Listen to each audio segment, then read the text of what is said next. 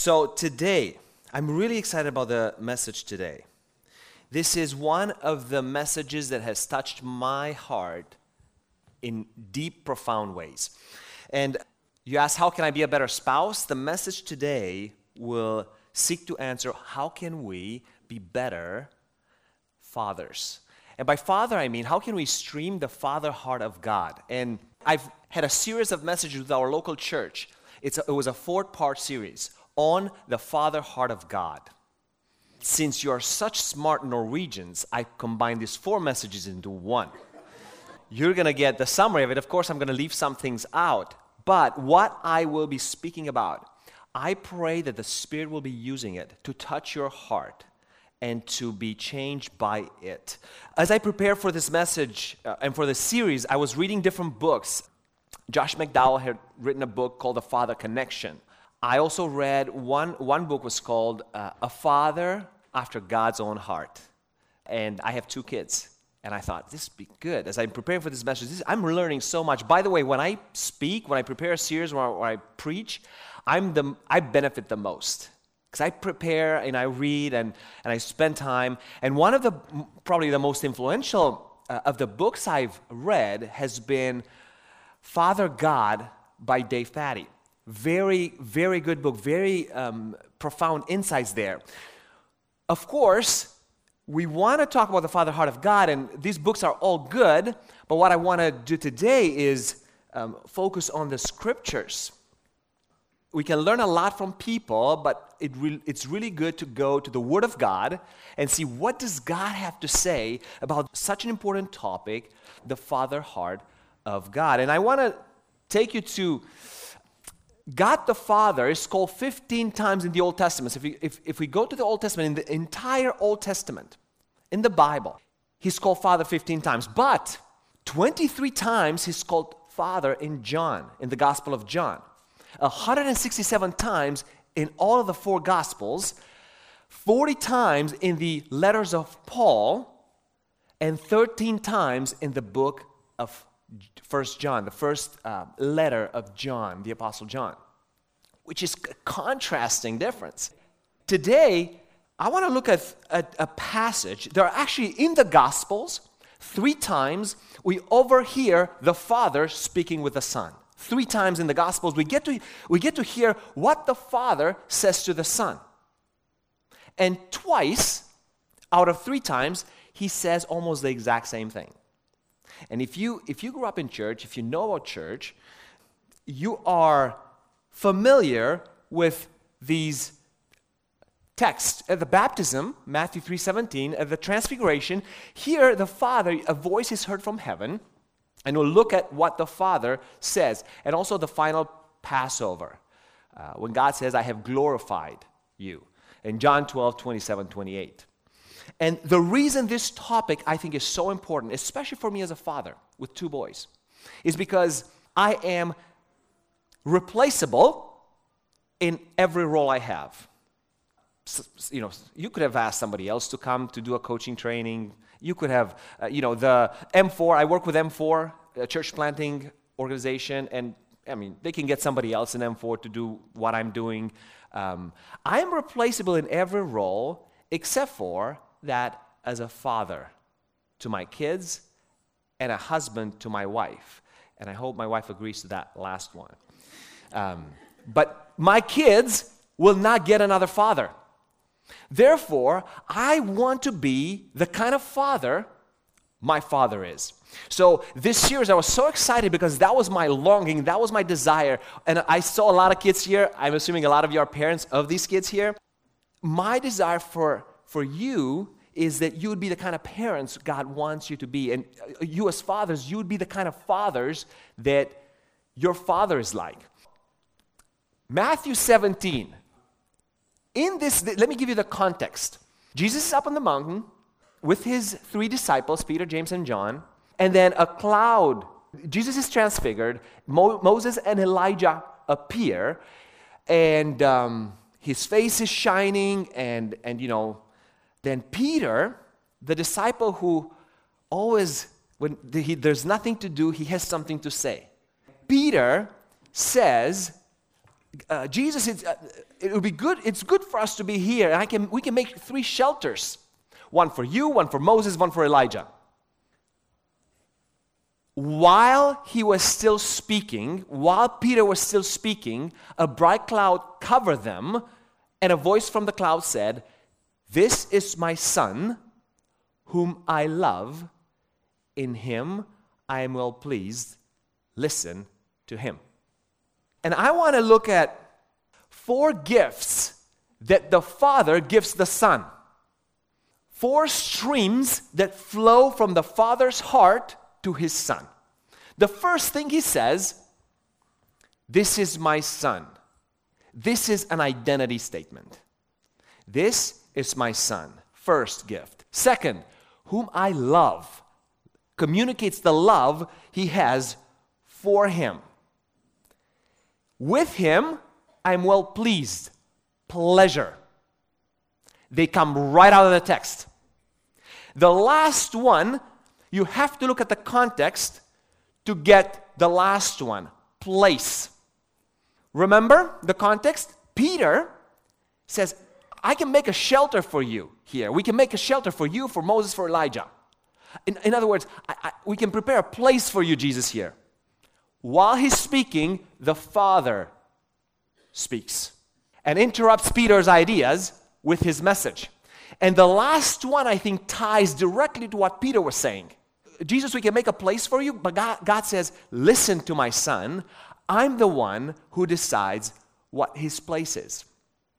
So the four, the four gift he gives to him is a place for his son. I'm the one who decides where my son belongs, not you, Peter, although you are filled with ideas all the time. These are the four things that flow out of the Father's heart to the Son. Now, it would be interesting to see if this is what the Father says to the Son, what does the Son say about the Father? And what I want to, what the reason I want to look at this is because one of our key responsibilities as Christians is to stream the Father heart of God to those around us. If you have children, I think this is a very significant message for you. Because what you want is to stream the Father heart to your children, to speak identity, love, pleasure, and place into their lives. If you don't have kids, you, you, can, you can do that with the people you serve, with the people around you. We, we can stream the Father's heart to those around us. So I think that's one of our key responsibilities to re- reflect the Father to those around us. So, to reflect that, that heart that the Father has. So, how do you do that? How do you stream the Father's heart? And, and in, in seeking to find the answer to this question, we want to look at how Jesus relates to the Father, what Jesus thinks about the Father. You know, it's one thing, for example, for me as a father to say things about my kids it's, it's, and to pour into them. It's another thing, what would they say about me? And that's what we want to look at. What, what does Jesus say about the Father? And for that, we're going to look at John 5.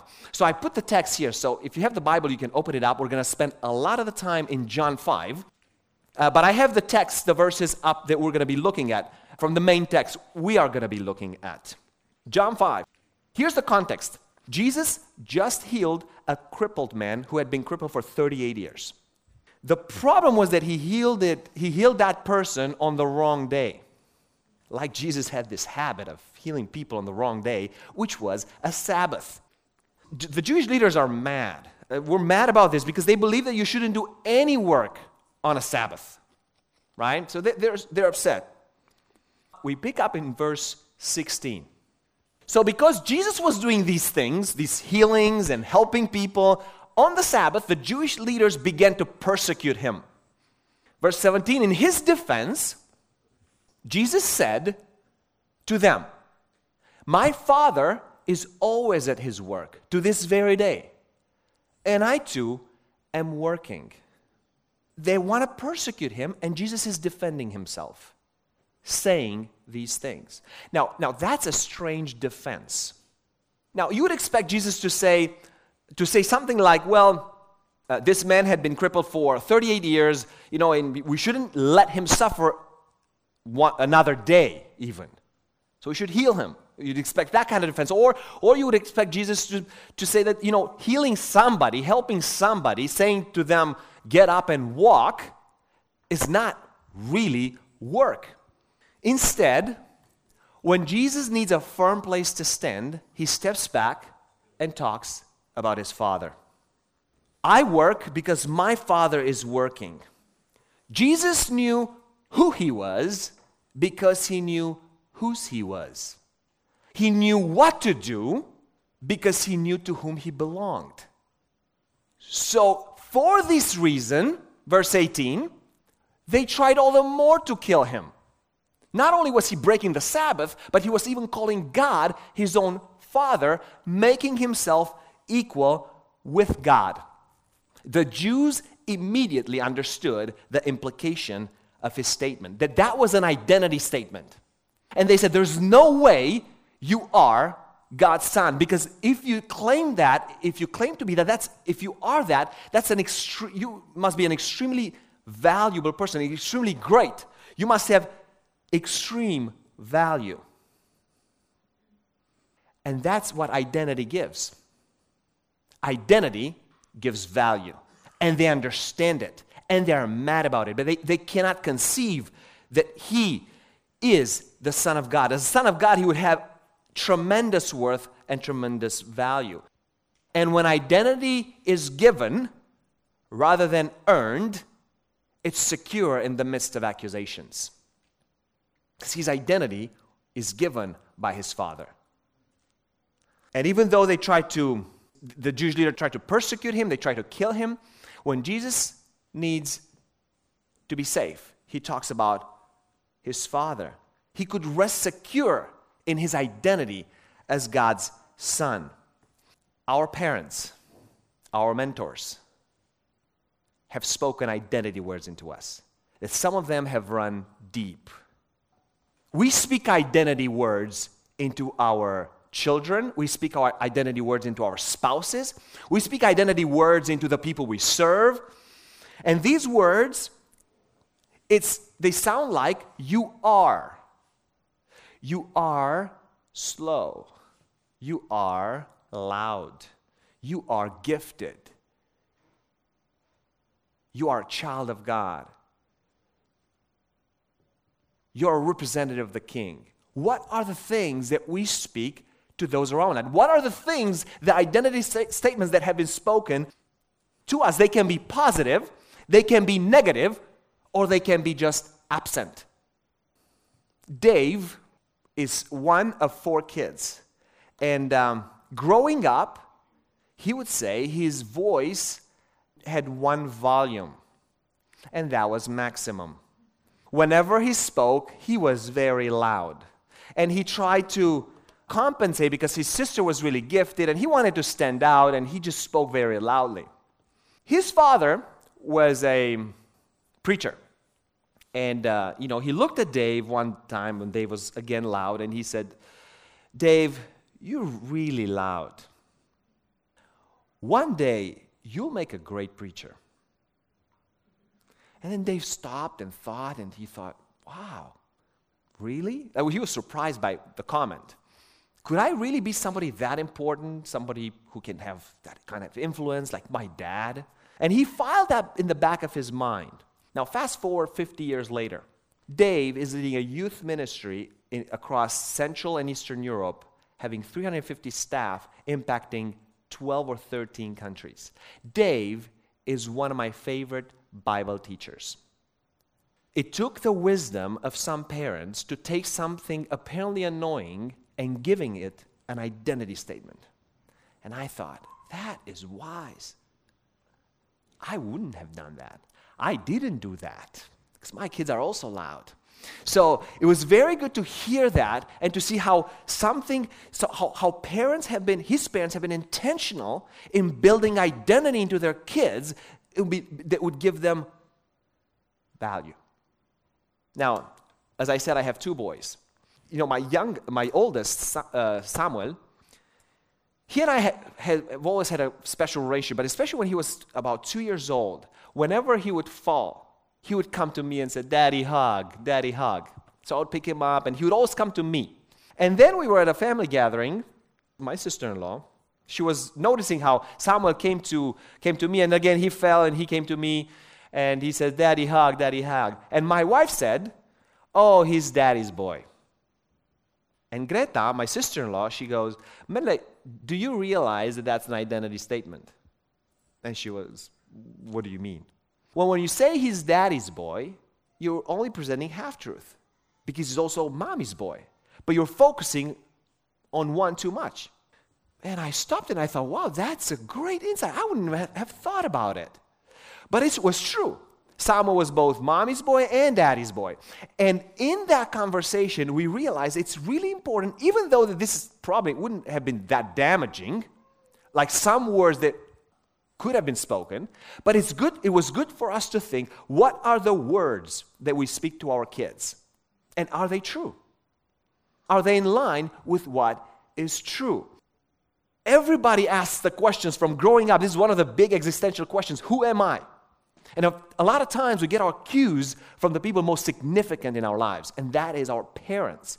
And even more specifically, that is our fathers. Our fathers have a great weight. If you read, if you read the literature, if you read the research, fathers have a significant impact in the lives of their kids. Not to say that mothers don't. But the voice of a father carries some kind of authority that, that the, the children look at and they gain, who am I? And they look at their fathers to see who, who are we? oftentimes they get negative identity statements. I mean, I could tell stories about this, but we don't have the time. I live, I live in a culture where it's almost like a fatherless culture. And while I was preaching this message at our um, local church in Estonia, I found recently about one, one girl was watching online because we stream it online, and he said, when you got to the father part, and the whole message was about the father, said, I was crying the entire time. There's a lack of fathers, and I don't know how is in Norway the, as a culture, but in Estonia, many are fatherless. There's a void. If we look at our Father, if we look at Jesus, and if we look at the God, God, uh, God the Father, He says that we are dearly loved children. That's what our Heavenly Father says. We are a royal priesthood. We are holy, set apart for Him. We are His ambassadors. Those are the words, that, those are the, if you look through the scriptures, those are the words that the Father speaks to us. And it often takes time, it takes time, it's a journey for us to be healed by the wounds, the identity statements that have been made about us from the people who are most significant to us. So, uh, I don't have too, too much time to go through it, but I want to press on. We're only first, first gift, identity. Second is love. Let's look at uh, John 5, verses 19 and 20. And it's the same conversation Jesus has with the Jewish leaders, and he give, them, gives them this answer Very truly, I tell you, the Son can do nothing by himself. He can do only what he sees his Father doing. Because whatever the Father does, the Son does also. For the Father loves the Son and shows him all he does. Yes, and he will show him even greater works than these, so that you will be amazed. This is also a little strange because these imagine the situation these powerful Jewish leaders they may you know uh, Jesus heals somebody they make some accusations and now they're even angrier because he just claimed to be God's son so he made them even angrier and what when he sees that, when he when he does that, what he says is, he steps back and he says, You know, guys, what I really want to tell you is, my dad really loves me. So when he's faced with threats, he steps back into the father's love for him. Why does he do that? If identity gives value, as we've seen, then love gives security because that's his safe place. He says, My father cares deeply about me. I'm not alone. My father loves me. He shares his heart with me. He shares his heart with me, as we see in the text. Without him, I can't do anything. When others reject me, it doesn't destroy me. Why? Because I know that my dad loves me. Without a deep sense of security, it would have been impossible for Jesus to stand his ground against the Jewish leaders. And his father's love provided that safe place for him. Because you know, as I said earlier, it's one thing for the father to declare the love for his son, it's another thing for the son to declare his love for his father. How many of you, and I would like, if you can, a show of hands, how many of you have heard these words from your parents' mouth? The words, I love you. How many of you have, have, have heard that? I love you. Okay. I asked the same question in Estonia. I think it was three people who raised their hands out of 80.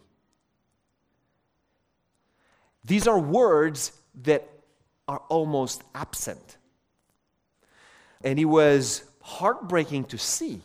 Now, even I, I grew up in a Christian family, and you know, when I had to, and I didn't hear those words, I love you. The closest my parents came to was when I was leaving to the United States. I was leaving to study there, and it was like the whole family got, the, got, got together, and my dad said, Theo, we love you. He couldn't stand alone behind that statement. I knew my parents loved me, but it was hard for him to say that. And oftentimes, because our parents never said that, we don't, we, we don't break that pattern and we don't say it to our kids. We don't give this gift that we see the father giving to the, the child and the father reflecting that back to his uh, the son reflecting that back to god the father and i think it's a i know pastors who are in their 50s and 60s with fruitful ministries crippled by the fact that they've never felt their own father's love for them. I met one in Switzerland last year. Fruitful ministry. And all the other leaders didn't know that. He was able to share that because I was doing a training with them. And it was in the context I asked some questions, and that came up. And it, was still affecting him. He was in his 60s. These words matter. These words are important. And of course, they have to be doubled by action, but don't just hide behind the fact that I show my kids my love, I just don't say it. If you love them, why wouldn't you say it? We get our cue from our Father, we get our cue from Jesus, who we see in this relationship, they express love towards each other. And that was the safe place that Jesus went to when threatened. What about the third gift? Pleasure. John 5. Actually, John 5. Uh, so love gives security. Uh, John 5 30. Pleasure. By myself, I can do nothing. I judge only as I hear, and my judgment is just. For I seek not to please myself, but him who sent me. There's the third gift pleasure. And he talks in the context of judgment. And why was his judgment just? Because oftentimes our own judgment are, is affected by our own selfish desires, and, and that distorts our judgment. But Jesus says that his judgment is just, and that is because of the nature of his motivation. His motivation is to please the Father, his good, perfect Father. Therefore, his judgment is just. And seeking to please someone who is important to us motivates us. Pleasure gives energy and motivation. And the Son is motivated, and is that pleasure of the Father gives him the motivation to serve alongside the Father. Let me give you a, a little bit of my, my story. You know, I was maybe 11 years ago, 10 years ago. And uh, I was dating this girl. And she was living in Estonia, I was living in Romania. And we got to know each other and we started writing. I, we visited. And then that summer of 2009, I got to remember this, 2010, it was a special summer because that was the summer I was going to propose. So I looked, I went, we, I was in Romania, so I went three hours away. I drove to this place by the, in the mountains, and I found this flat area overlooking a, a city in the mountains, overlooking the city, surrounded by forests. It was gorgeous. And I thought, this is where I'm going to propose. This is a great place. So I, I went there and I talked, you know, to the people in the that I could find that knew the area, and I said, okay, that's that's that's the most. They said that's the most beautiful. Oversees the city in the nature. amazing. So then I created this plan where I, I bought, you know, I was thinking, okay, I, I found the restaurant who, sold, who was making the food that my wife liked. Uh, she likes watermelon. I had prepared watermelon. I um, had music under. It was a table with a white cover on and, and um, candles, a row of candles leading, and it just, it was, you know, I went all in, all in. I worked so hard, hours and days put into it. And then I thought, what if this would, would be a surprise? So then I got my brother and my, my sister involved, and I said, I told them all my plans, and I told them, this is what I want. Could you prepare this? And, and they said, okay. So they drove the same day my wife and I drove, and she thought we were taking just a trip to the mountains while my brother and sister were implementing my plan. I had worked so hard for. So we come to this place, it's, it's towards the evening. We come to this place, it's three hours away. She has no idea. I've been all day with her. And then we go to the mountains, we go up, and, and then she sees that, that table and, and, and candles and, you know, food. And she, she, she goes to me and says, Wow, somebody prepared something really romantic there. And I said, Yeah, well, let's go check it out. And she goes, What? Are you crazy? I mean, we cannot go there to ruin somebody's surprise. You know, maybe they're getting engaged there, some couple, you know, like. So I said, I, I took her hand, I said, let's go see it. In that moment, it clicked for her. Couldn't see anything, you know, couldn't see it coming. So I went up and she was just, her jaw dropped, couldn't believe her favorite food, watermelon, mu- her favorite music playing, candles, flowers, everything. And she was, I, I saw her eyes. I was looking at her eyes. It was worth it. All that work, all that preparation, all that gave me the motivation because I saw the pleasure in her eyes. Jesus saw the pleasure in his Father. He, he worked from a place of the Father saying, I'm pleased with you. And that gave him the energy, the motivation to do all the work he has done because of that perfect relationship of the Father being pleased with his Son. Pleasure gives motivation. Many people have never heard these words from the significant others in their lives, whether they're father, mother, mentors. I'm pleased with you. I'm proud of you. Everybody's asking the question Are you proud of me? Do you delight in me? Do you enjoy my presence? Do I bring you joy? We often tell our kids, We are so happy you're part of our family. We delight in that fact. But now, there are two misunderstandings that I want to look at briefly about the Father's pleasure. Two misunderstandings we have about the Father's pleasure. One, that he's never pleased, especially if you grew up in an environment where parents have been negative and nagging and critical, that he's, you, you think the Father's never pleased. You read in the Bible, he's a holy God, perfect God, hates sin. He's never pleased. That's the first one. The second one, that he's always pleased. Both misunderstanding. Part of God's pleasure comes from what he has done to adopt us. If you look at Ephesians 1, 4, and 5, I don't have it up on the screen, but he says, uh, Paul says in Ephesians, He chose us in Him before the creation of the world to be holy and blameless in His sight. In love, He predestined us for adoption to sonship through Jesus Christ in accordance to His pleasure and will. In other words, the Father, when He looks at us as His children, He experiences pleasure for what He has done. Just like parents, I remember when our firstborn, Samuel, was born.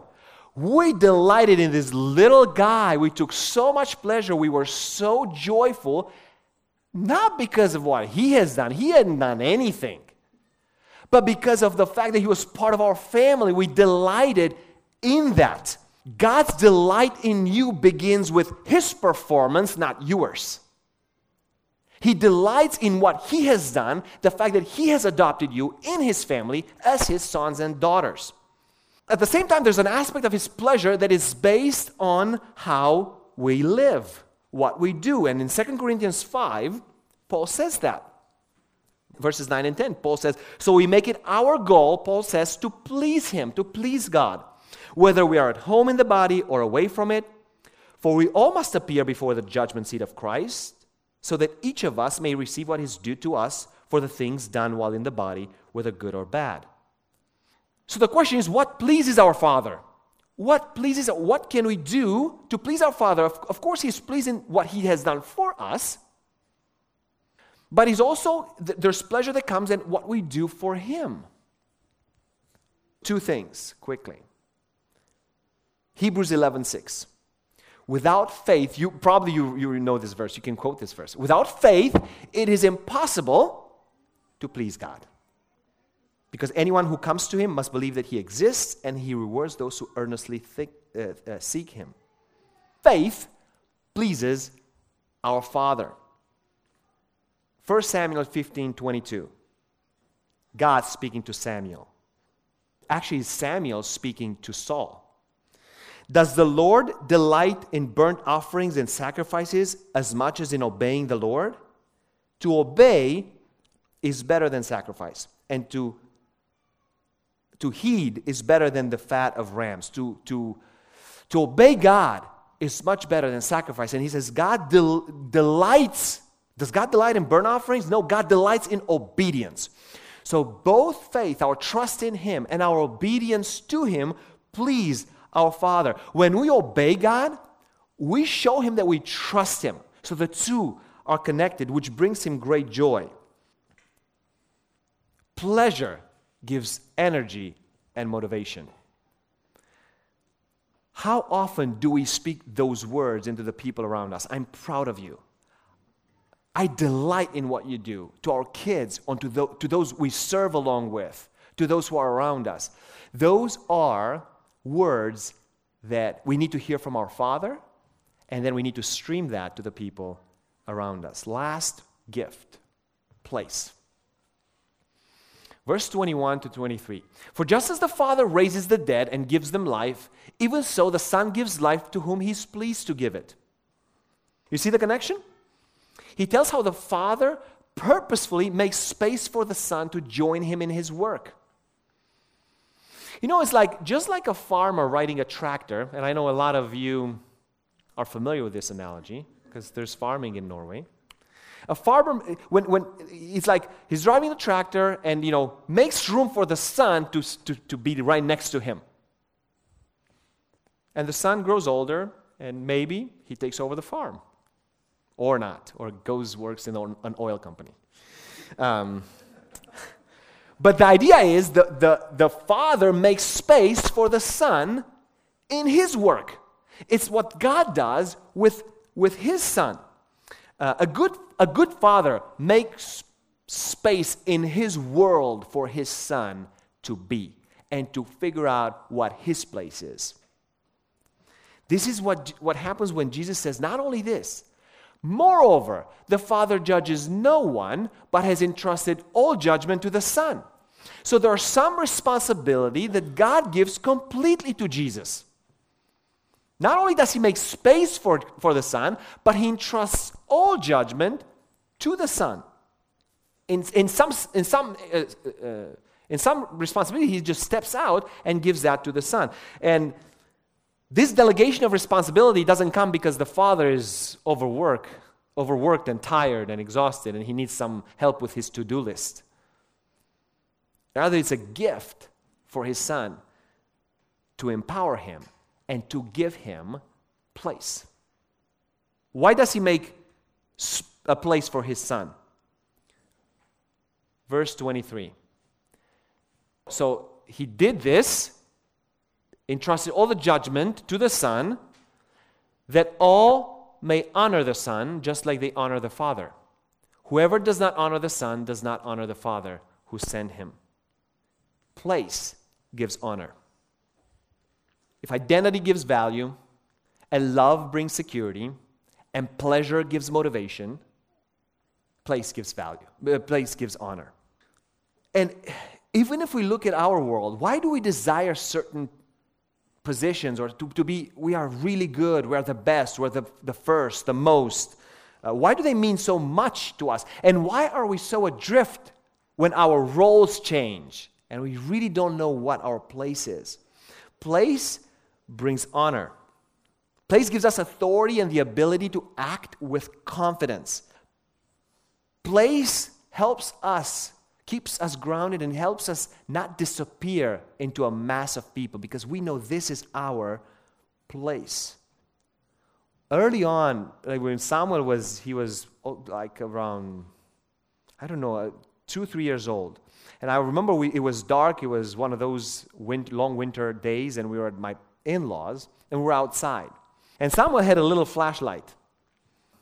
He was lighting, it was totally dark. He was lighting. And then I said, Wow, Samuel, I'm so glad I'm with you. I mean, what would I have done without you? I have this flashlight. We can see very well. We can, he's very proud lighting that. I'm, I'm saying, You have a place.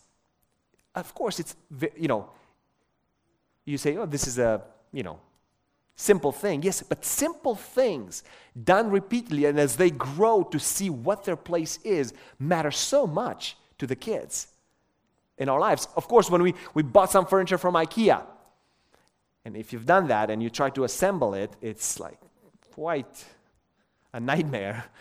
And we try to assemble it, and he wants to help. And he always says, Sammy, Sammy's helping. Okay, Sammy, what would we do without you? Probably would put this furniture much better, much, much faster. But we want you, we make room for you, we want you to be here with us. So, in what ways do we make place for the people, for our kids, and for the people around us? In, everyone wants, wants to find their place. And everyone, when they found their place, they thrive in the way God's gifted them. People ask, Do I have a purpose? Does my life matter? Is there a place that's uniquely mine? Do I belong? Do I have something to give? You have a place when you find God's calling on your life and you thrive using God's gifts. And oftentimes, we're the ones who need to notice what are people gifted at and give them a place where they can use those gifts, whether in the church world or the corporate world. Because wherever we are, we want to bring glory to the Father, and our place gives us honor. We feel that our lives matter. Your Father has prepared a place for you, both here on earth. Remember Ephesians 2:10 that God says, God has prepared works for us to walk in them. He has a place for us, all of us, in the body of Christ. You have a place. But He's also prepared a place for us in heaven. And He talks about that also in, in John with his disciples in, in chapter 14, where he says, I'm going to prepare a place for you. He's prepared a place for us here to walk in the, in the works He's already prepared for us, and He's prepared a place for us there. I want to end with one, one verse, coming to a, to a close. A verse that all of you have heard of. If you have been a Christian for a year, you have heard of this verse. Maybe this is how you became a Christian.